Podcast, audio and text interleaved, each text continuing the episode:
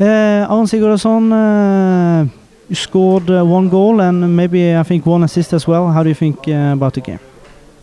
Good win. Um, good character to defend good when they were they were attacking us in the second half. Important win. Everything is going on. Really happy, really relieved. Looking forward to the next games.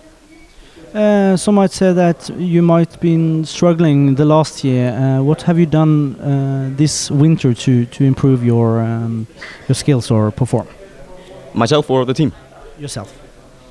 Uh, I'm, I'm just doing the same things. I'm just uh, yeah working hard, uh, and of course it's all. I think it's all about just uh, match fitness. I didn't get many games in a row last year. Uh, now I got 90 minutes, goal and and, and assist. Uh, yeah, we win. So hopefully, hopefully I can start the next game and, and build on it. Uh, I talked to uh, Skånes and I said it's a, it's a lot of speed uh, on top there with with uh, you, uh, Matthias and and Kasper. How do you think that was working out? I think first half worked out really good. I mean, we scored two goals. We had some, yeah, we had some, we had some good runs um, in the first half. Uh, yeah, I, I mean, we have a lot of a lot of good competition.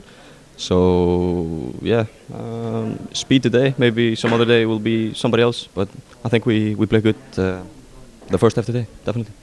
Uh, like you said yourself, uh, one assist, one goal today, involved in both the goals. Can you talk us through them? Uh, yeah, the first goal it was it was kind of a mess inside their uh, penalty spot. Alan, Alan got it.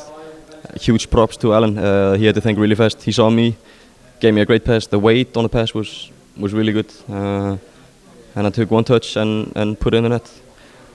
Um, second goal, uh, it was a free kick on the middle. Alan plays Isaac. Isaac plays me, and I crossed it. Uh, I didn't see it go in actually. I just saw Kasper celebrating. So yeah, that was a really good feeling. So to get a goal and assist in, in this game was was really good.